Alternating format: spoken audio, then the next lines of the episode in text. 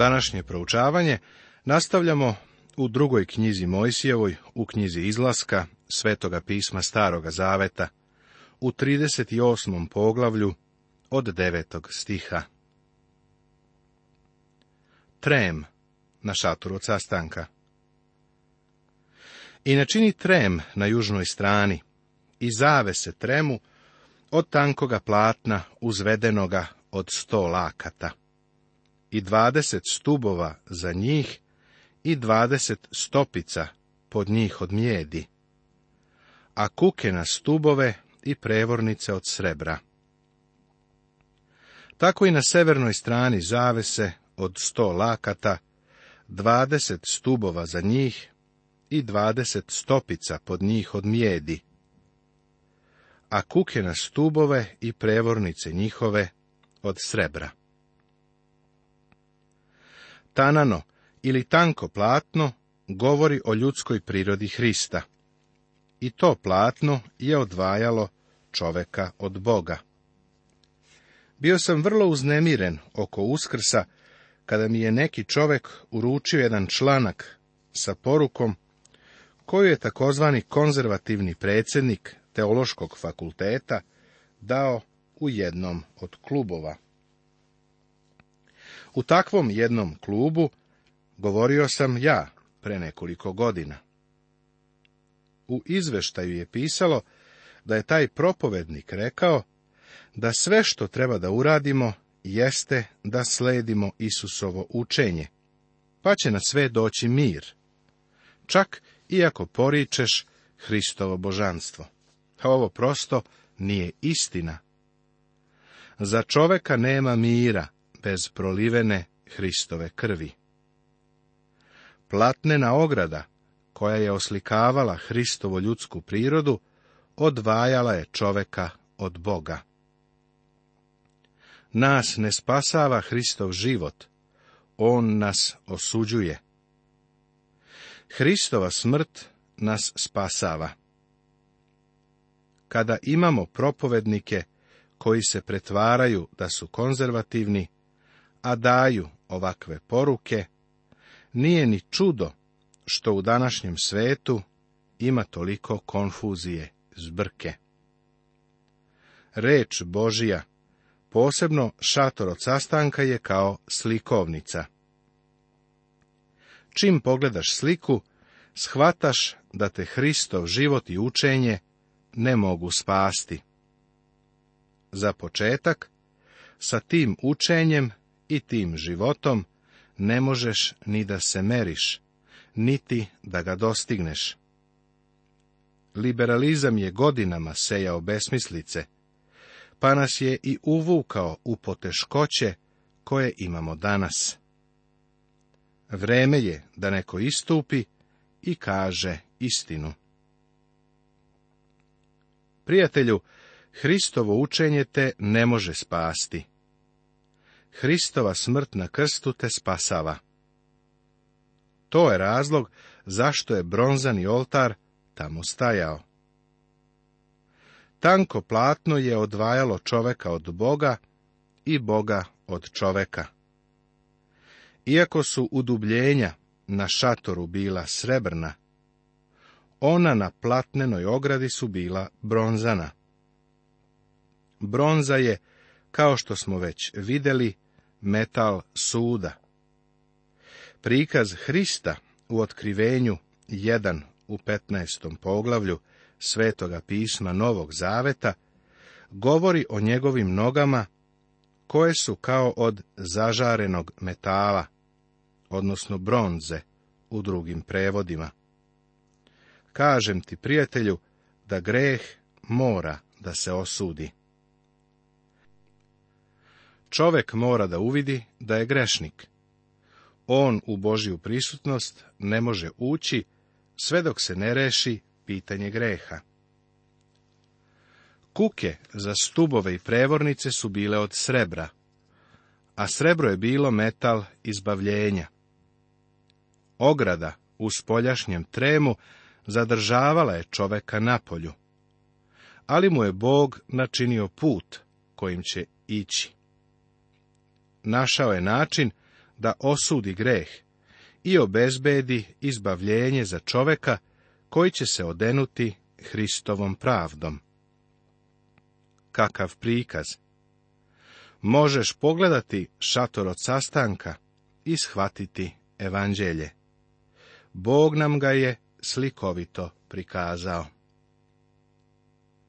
Postojao je ulaz kao pristup tom tremu. Čovek se nije peo uz ogradu. Morao je da prođe kroz ulaz.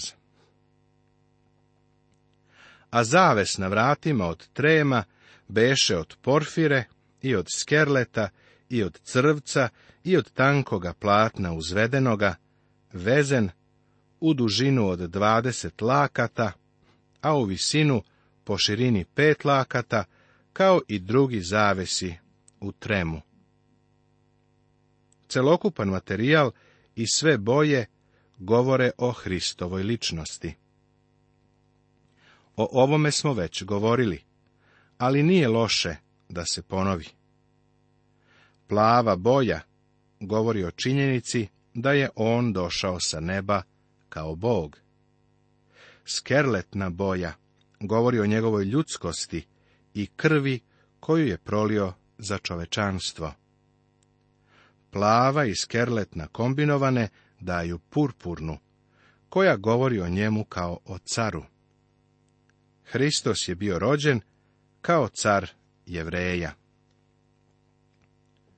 Ulaz je bio visok koliko i spoljašnja ograda. Bila je visoka oko sedam i po stopa, pa je preko nje bilo teško videti. Teško čak i za košarkaša, obzirom da je ovo nešto više od dva metra. Nije postojao drugi način da se uđe u trem, osim kroz ovaj ulaz. Ulaz je bio širok, dovoljno prostran da uđe grešnik, ali je bio jedini ulaz. Hristos je rekao da je On put, istina i život. O ovom ulazu u trem volim da razmišljam kao o putu.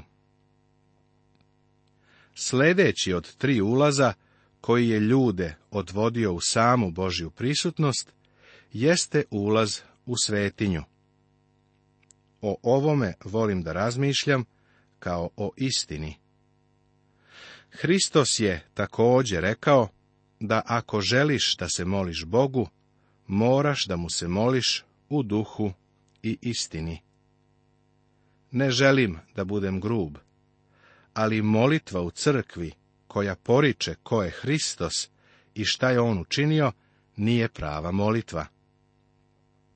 Moraš da ga slaviš i da mu se moliš u istini.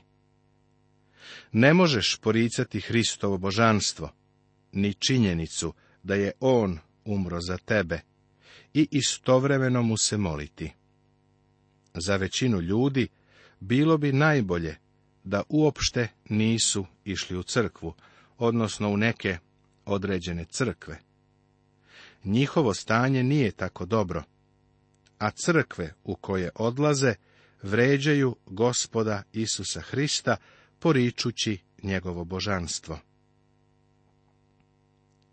Zatim imamo posljednji ulaz, koji je čoveka dovodio u samu svetinju, nad svetinjama.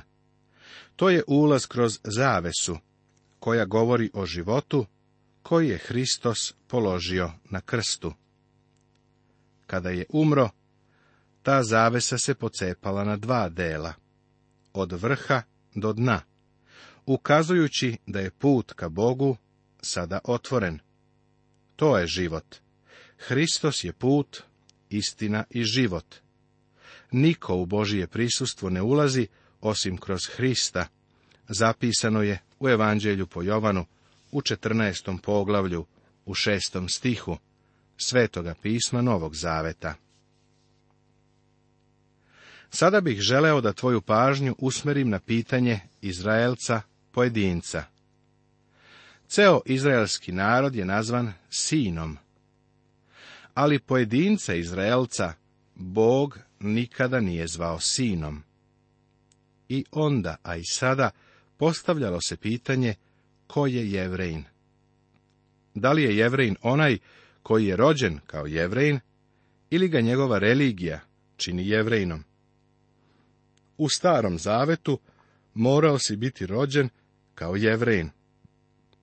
Ali se Bog postarao da svako može biti izbavljen, što znači da svaka osoba može doživjeti na novorođenje. Izrael je bio izabrani narod, ali je svaki pojedinac posebno morao da se izbavi. A srebra što dođe od zbora, sto talanata i tisuća sedamstotina pet sikala po svetom siklu, po sikla od glave, po siklu svetom, od svakoga koji uđe u broj, od dvadeset godine i više, od 600 i 3550. Jevreji su donosili srebro, jer je to bio metal izbavljenja. Svaki Izraelac je morao da bude izbavljen i prihvatljiv.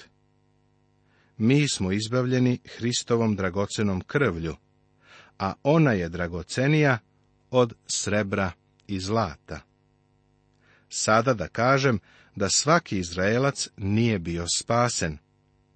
Samo je ostatak naroda bio spasen. Baš kao što ni svi članovi crkve nisu spaseni. Veoma mali procenat članova crkve danas jeste spasen.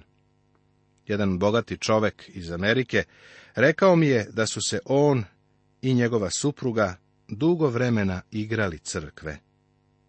Sedeli smo tamo sa ostalim licemerima.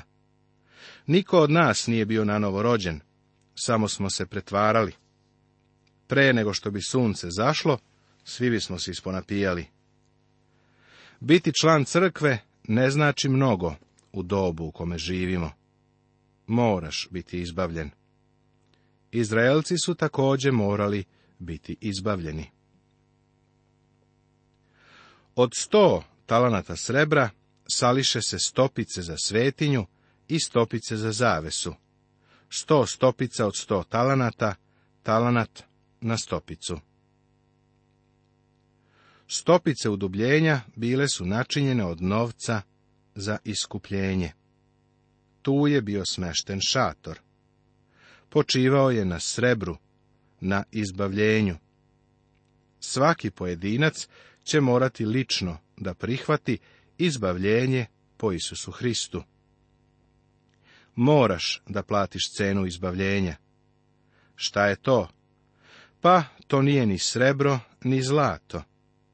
Jedini uslov je da moraš biti žedan. Da li bi želeo da se napiješ vode života? Slobodno je. Spasenje je zabadava, slobodno ali nije jeftino. Boga je koštalo svega. On je dao svog sina da umre na krstu i da plati cenu za naše izbavljenje. Izbavljeni smo njegovom krvlju. U pustinji Izraelci su bili prisiljavani na izbavljenje. Ali kada su ušli u obećanu zemlju, ako su želeli da budu ubrojani u izbavljene, za to izbavljenje morali su da plate cenu. Hvala Bogu što je ta cena za nas već plaćena. Ona nas ne košta nikakvog novca. Jednostavno ga moraš biti žedan. Da li želiš da budeš spasen? Da li uviđaš svoju potrebu? Da li shvataš da si grešnik? onda dođi. Cena je plaćena. Hristos je za tebe prolio svoju dragocenu krv. Ona ti omogućava da dođeš Bogu i da te Bog kroz Hrista prihvati. Poglavlje 39. Tema Haljine za službu i sveti nakit oplećak, naprsnik, plašt i kapa, i sve ovo je Mojsije video i odobrio. Sveta prvosveštenička odeća Aron je bio prvosveštenik, a odeća koju je nosio u celini je govorila o Hristu. Već smo govorili o tome kakva je bila ova odora a od porfire i skerleta i crvca načiniše haljine za službu, da se služi u svetinji. I načiniše svete haljine Aronu, kao što beše zapovedio gospod Mojsiju. Načiniše oplećak od zlata i od porfire i od skerleta i od crvca i od tankoga platna uzvedenoga. Ova odeća se naziva svetom jer je bila odvojena za službu Bogu. I pojas na oplečku izlažaše od njega i beše iste naprave, od zlata i od porfire i od skerleta i od crvca i od tankoga platna uzvedenoga, kao što beše zapovedio gospod Mojsiju. Pojas na oplečku je bio istkan na neobičan način. Prvo sveštenik je nosio osam delova odeće. Četiri su bila ista ili slična onima koje su nosili svi sveštenici.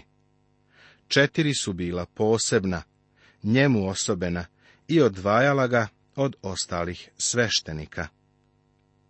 Bila je to odeća za slavu i lepotu. Ovo je slika našeg divnog prvosveštenika, gospoda Isusa Hrista, u svoj njegovoj izuzetnoj blagodati i slavi. Svaki deo garderobe imao je simboličko značenje. Nastavit će se.